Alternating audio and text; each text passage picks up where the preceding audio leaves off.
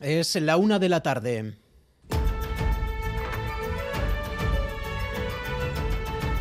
Crónica de Euskadi con Imanol Manterola.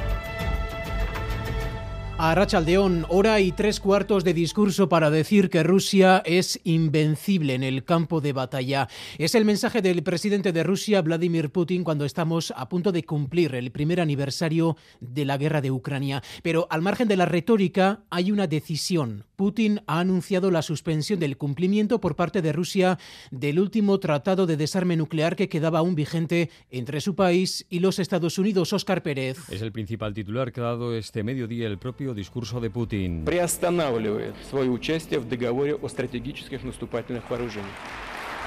Vladimir Putin suspende la participación de Rusia en el nuevo START del último tratado de desarme nuclear vigente con Estados Unidos y amenaza con realizar nuevas pruebas nucleares si Washington las hace primero. Así que el presidente ruso vuelve a jugar la baza de la amenaza nuclear a tres días de que se cumple el año de invasión de Ucrania. Putin ha reconocido que su país vive un momento difícil, pero acusa a Occidente de ser quien inició la guerra porque les engañaron en el Donbass. El líder ruso además ha advertido a Estados Unidos y a Occidente. Не скрывают своей цели – нанести России Los aliados occidentales buscan una derrota estratégica de Rusia, pero tienen que ser conscientes de que Rusia es invencible en el campo de batalla. Enseguida vamos a por los detalles de este esperado discurso de Putin, mientras tenemos eh, dos puntos de atención respecto a esta cuestión, porque a esta hora el secretario general de la OTAN eh, comparece con el comisario Josep Burrell y el ministro de Exteriores de Ucrania justo cuando se debate cómo acelerar el envío de munición y armamento a Ucrania y pendientes también de la visita del presidente de los Estados Unidos a Polonia tras la visita sorpresa ayer a Kiev, así que todo está sucediendo a esta hora, iremos contándolo prácticamente en tiempo real. Mientras tanto, en casa, decisión del gobierno vasco en torno a las discotecas y el ocio nocturno.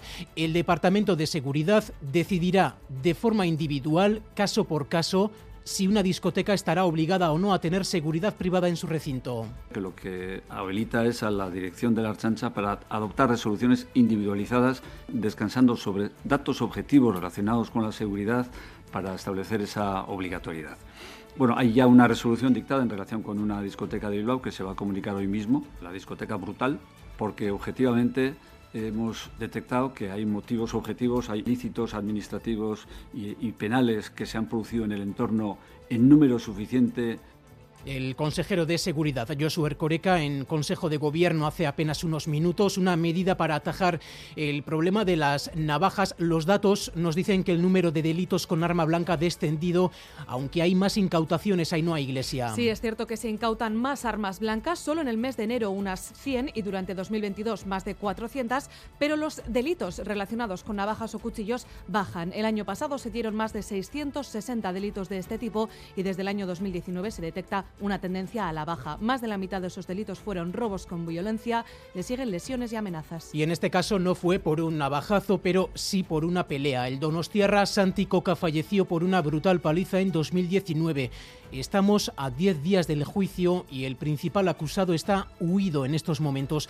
La familia de Santi pide justicia no tanto por venganza, dicen, sino por seguridad. Con su madre ha hablado ETV el castigo y demás es más una seguridad, una seguridad, o sea, no es tanto por el hecho de castigarles y ya está, no, es el hecho de que estemos aquí seguros de que otras personas puedan salir, otros jóvenes, mayores y la gente que tenga esa libertad, esa tranquilidad, esa seguridad,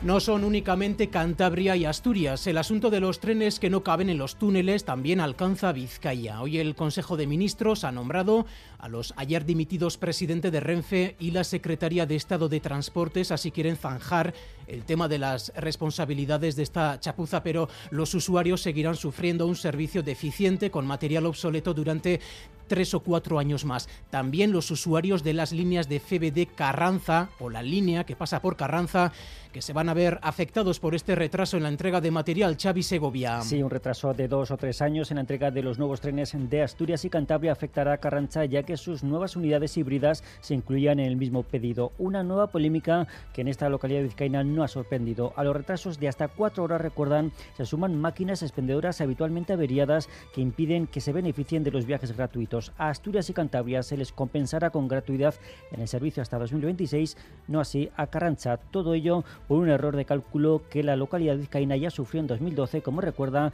Erika García de la Plataforma en Defensa de la línea Bilbao-Santander. Llegaron a un túnel, vieron que con la catenaria el tren no pasaba, empezaron desde, habían empezado desde Bilbao, empezaron luego desde Carranza y les volvió a pasar lo mismo con otro túnel. Y han tardado pues 12 años en, en terminar de colocarla. Y en esta crónica de Euskadi también vamos a visitar un centro de día de apoyo a las personas presas que están en régimen abierto, un centro donde se les presta asesoría y ayuda en el proceso de una reinserción real. Este centro está en Guipúzcoa, depende del Departamento de Justicia del Gobierno vasco y está destinado a las personas que aún duermen en prisión o cumplen condena a pesar de pernoctar en casa, servicio puente entre la prisión y los recursos a los que podemos recurrir cualquiera de nosotros. José es uno de los usuarios. Es el trato. El trato que te dan es desde, el, desde el máximo cariño. Entonces, como te dan el trato desde el máximo cariño, te sientes aquí como querido. Eh, es como tener personas al lado que van guiándote poco a poco el camino eh, y te van ayudando lo máximo que pueden. En página cultural, la obra de teatro Irukorche, Azukre Asko eta Brandi Gehiegi ha ganado el premio Donostia Antzerkisaria. Esta es, según el jurado, la mejor obra en euskera representada en 2022 en la ciudad. Las compañías Kamikaz Colectivoa y Teatro recibirán 12.000 euros y un cuadro de Ramón Zuriarrain en un acto que se celebrará el 27 de marzo en el Teatro Victoria Eugenia. Al, finalizar el acto, las actrices Amancay Gaztañaga, Erika Olaizola y Iraya Elías representarán en esta obra? Manca y que agradecemos muchísimo este premio. Detrás de las tres que estamos eh, en escena hay un grupo de trabajo estupendo que nos ha dado alas para poder crear la pedrada que teníamos en la cabeza. También ha estado Culturas Cooperativa de Azpeitia que ha coproducido eh, esta obra junto a Kamikaz Colectivo y Jack Teatroa. Estamos eh, muy, muy, muy agradecidas. Vamos ahora con los titulares del deporte. Álvaro Fernández Cabierno, Arracha León. Arracha León con dos citas de calado para hoy. Balomano y European League Motor de Ucrania, Vidaso Airun, los de Cuétara podrían certificar con una victoria su pase a los octavos de final. Y en pelota, mano parejas, en el Beotí Bartolo Sarra Escurdia Martija Peña Mariez Currena, partido que puede aclarar las cosas entre las parejas que buscan estar en el playoff. Tenemos cielos encapotados y temperaturas agradables a esta hora en todo el país, pero atención porque de cara a la tarde la nubosidad irá en aumento y con el cambio de dirección del viento lloverá, sobre todo de cara a las últimas horas de la jornada. A esta hora tenemos 19 grados en Bilbao, 16 en Donostia, 14 en Bayona, 13 en Vitoria-Gasteiz y 10 grados en Iruña, así que temperaturas agradables sí, pero para lo que resta de semana vuelve la lluvia y la nieve. Y atención porque el Departamento de Seguridad ha aplicado el aviso amarillo por nieve para el jueves. La cota rondará entonces los 500 metros aproximadamente.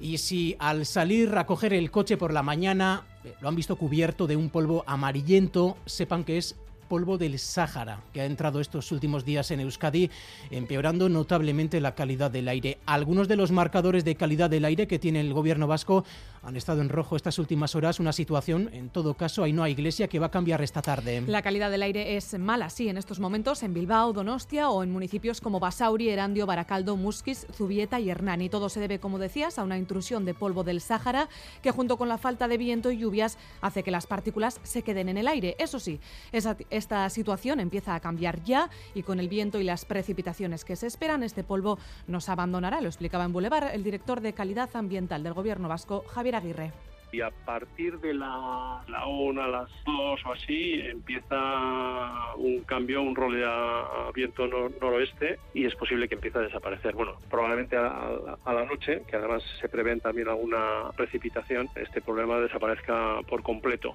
No se ha llegado al nivel de alerta, pero aún así se recomienda a las personas asmáticas o con problemas respiratorios salir a la calle con mascarilla FFP2. Así arrancamos esta crónica de Euskadi en el control técnico Raúl González y José Ignacio Revuelta, a Itziber Bilbao en la coordinación. Crónica de Euskadi con Imanol Manterola.